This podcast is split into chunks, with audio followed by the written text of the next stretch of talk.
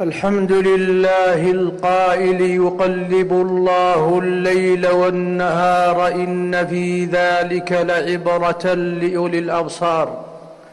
وأشهد أن لا إله إلا الله وحده لا شريك له العزيز الغفار. وأشهد أن نبينا محمدا عبده ورسوله. أفضل من ذكر وشكر بالليل والنهار. اللهم صل وسلم وبارك عليه وعلى آله وصحبه الذين فازوا برضا الواحد القهار. أما بعد فيا أيها المسلمون اتقوا الله جل وعلا سرا وجهرا. واتقوا الله واعلموا أنكم ملاقوه وبشر المؤمنين. إخوة الإسلام في تعاقب في تعاقب الأزمان معتبر وفي اختلاف الليل والنهار مدكر. يقول الله جل وعلا وهو الذي جعل الليل والنهار خلفة لمن أراد أن يذكر أو أراد شكورا. والمراد بقوله خلفة أي كونا وقدرا بأن أحدهما مخالف للآخر وكلا منهما يخلف الآخر هذا بعد هذا يتعاقبان في الضياء والظلام والزيادة والنقصان. كما قال جل وعلا فمحونا آية الليل وجعلنا آية النهار مبصرة. وكما قال جل وعلا وآية لهم الليل نسلخ منه النهار فإذا هم مظلمون. ويأتي معنى خلفة معنى شرعيا وأنه, سبح وأنه سبحانه جعل أحدهما خلفا من الآخر في أن ما فات من عمل يعمل فيه لله جل وعلا. أدرك قضاؤه في الآخر.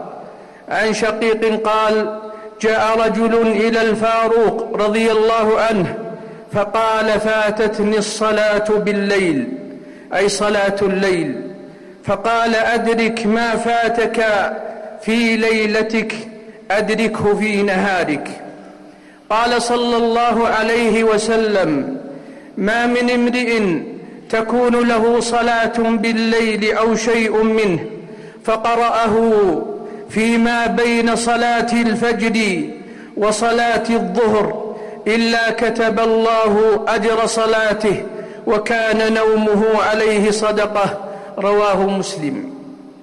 ولهذا فإن من نام عن الوتر أو نسيه أو فاته بسبب مرض ونحوه صلى ما كان يصليه ليلا.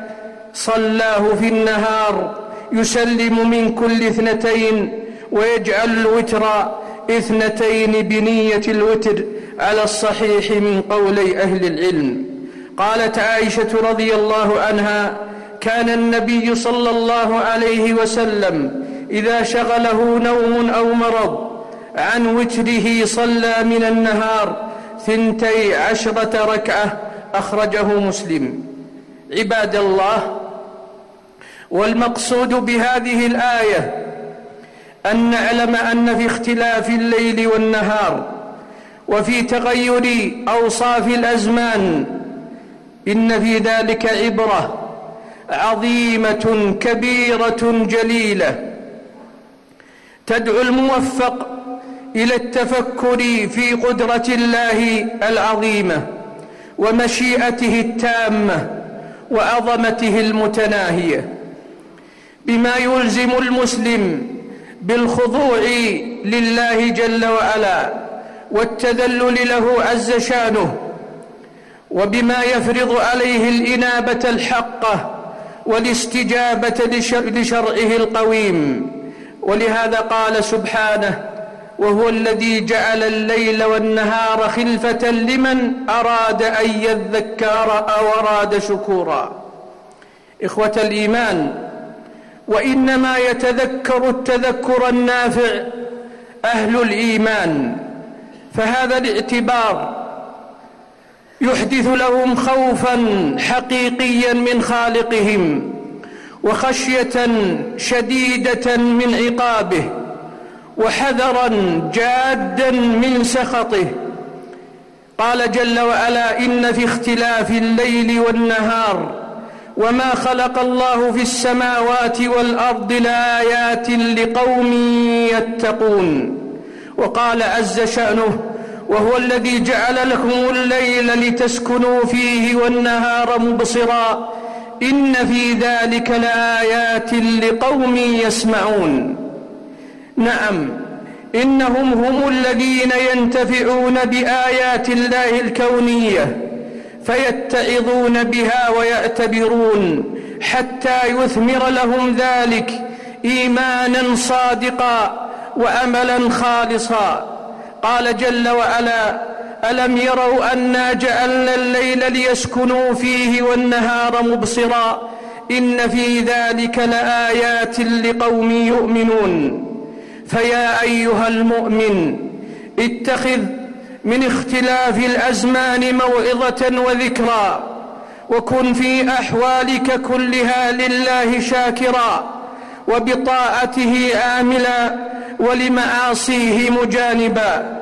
قال جل وعلا ومن رحمته جعل لكم الليل والنهار لتسكنوا فيه ولتبتغوا من فضله ولعلكم تشكرون قال ابن كثير رحمه الله أي تشكرون الله بأنواع العبادات في الليل والنهار. إخوة الإيمان ومن عبد ومواعظ اختلاف صفات الأزمان ما يجده العباد في, في فصل الصيف من شدة الحر ولهذا يبتغون فيه السبيل إلى الظل الظليل والهواء البارد الأليل فالواجب على المسلم أن يتذكر بهذا الفصل أن يتذكر نار جهنم وحرها فيأمن لما يجانبه من ذلك. نعوذ بالله من النار وحرها. قال الله جل وعلا وقالوا لا تنفروا في الحر. قل نار جهنم أشد حرا لو كانوا يفقهون. وفي الصحيحين عن رسول الله صلى الله عليه وسلم قال اشتكت النار إلى ربها فقالت أكل بعضي بعضا فأذن لها بنفسين نفس في الشتاء ونفس في الصيف فهو أشد ما تجدون من الحر وأشد ما, تج ما ترون من الزمهرير يعني البرد. فالبدار البدار عباد الله بكل أمل صالح يقربكم إلى العزيز الجبار والحذر الحذر من كل المعاصي والموبقات.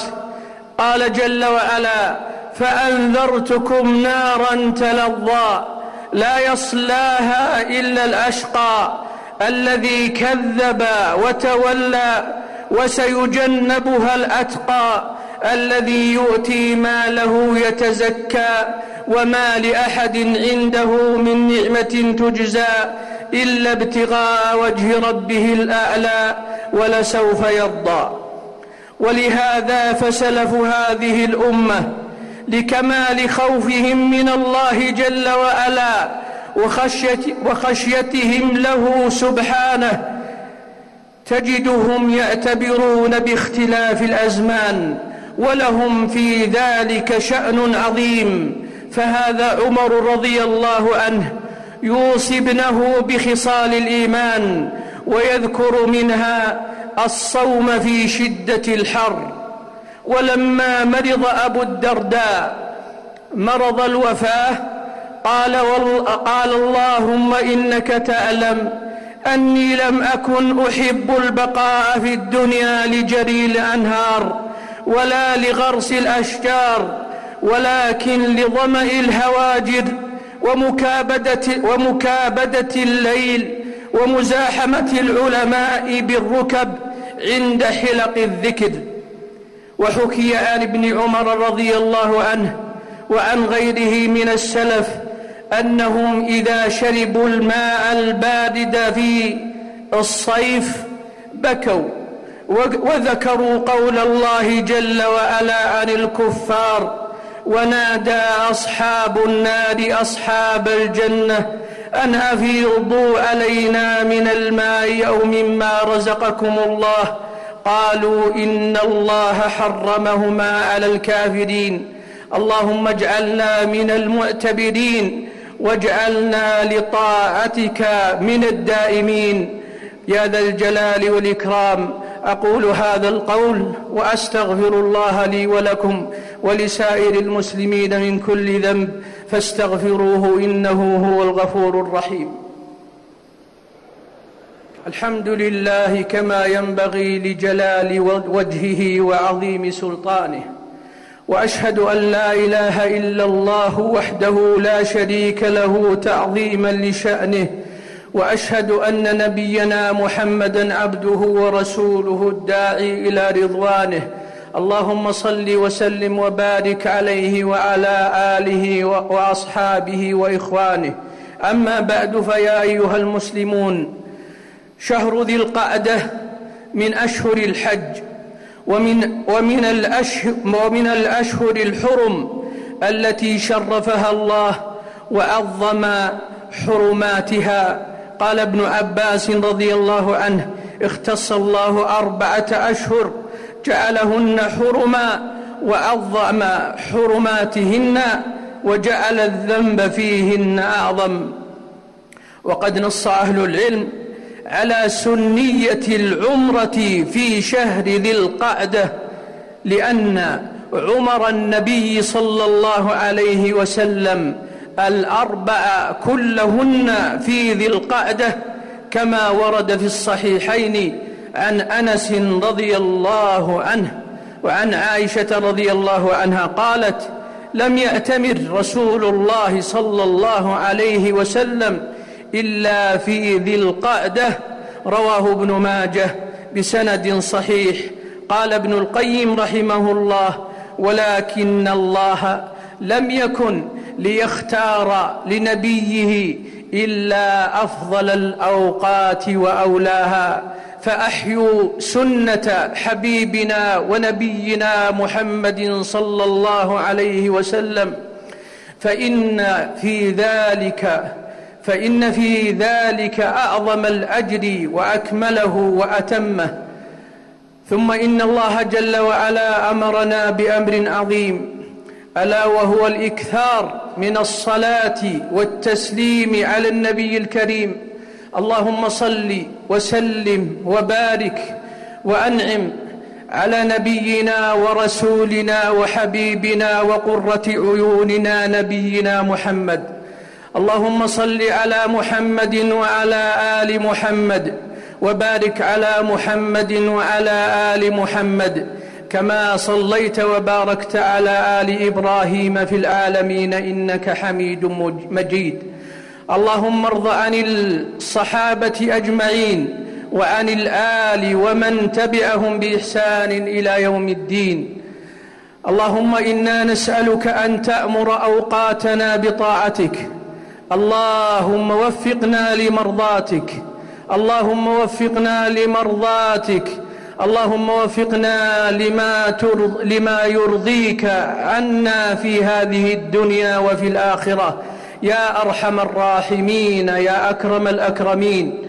اللهم اغفر للمؤمنين والمؤمنات والمسلمين والمسلمات الأحياء منهم والأموات.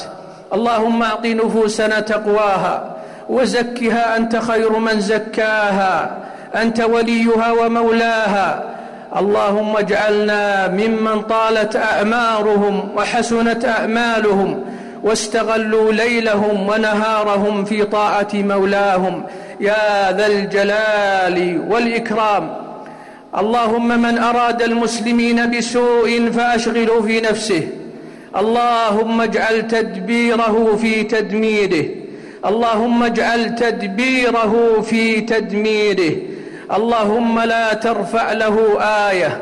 اللهم من أراد المسلمين بسوء فأشغله بنفسه. اللهم وفرق شمله. اللهم ومزق صفه يا أرحم الراحمين. اللهم واقتله بسلاحه يا ذا الجلال والإكرام. اللهم احفظ بلاد الحرمين من كل سوء ومكروه. اللهم احفظها وسائر بلاد المسلمين من عاديات الأعداء وتربص الأشرار وكيد الفجار. يا ذا الجلال والإكرام. اللهم وفق ولي أمرنا وولي عهده لما تحبه وترضاه. اللهم وفقهما لما تحبه وترضاه يا ذا الجلال والإكرام. اللهم آمن روعاتنا. اللهم آمن روعات المسلمين. واستر عوراتهم يا ذا الجلال والإكرام. واحفظهم من بين أيديهم ومن خلفهم. وعن أيمانهم وعن شمائلهم ومن فوقهم. ونعوذ بك أن, أن يغتالوا من تحتهم يا ذا الجلال والإكرام. اللهم آتنا في الدنيا حسنة وفي الآخرة حسنة. اللهم ارحم المسلمين في كل مكان بجمع كلمتهم وتأمين دورهم. اللهم احفظ أموالهم وأعراضهم وأنفسهم. اللهم اجمع كلمتهم على الحق والتقوى. اللهم اجمع كلمتهم على الحق والتقوى. اللهم إن بديار المسلمين من الفتن ما لا نشكوه إلا إليك. اللهم فأصلح أحوالهم. اللهم أصلح أحوال المسلمين. اللهم أصلح أحوال المسلمين. اللهم يا ذا الجلال والإكرام أصلح أحوال المسلمين. واجعلهم في خير وعافية وأمن وأمان. يا حي يا قيوم يا ذا الجلال والإكرام. اللهم اغن فقيرهم وارحم ميتهم واشف مريضهم يا ذا الجلال والإكرام. اللهم وفقنا لما تحبه وترضى. وآخر دعوانا أن الحمد لله رب العالمين.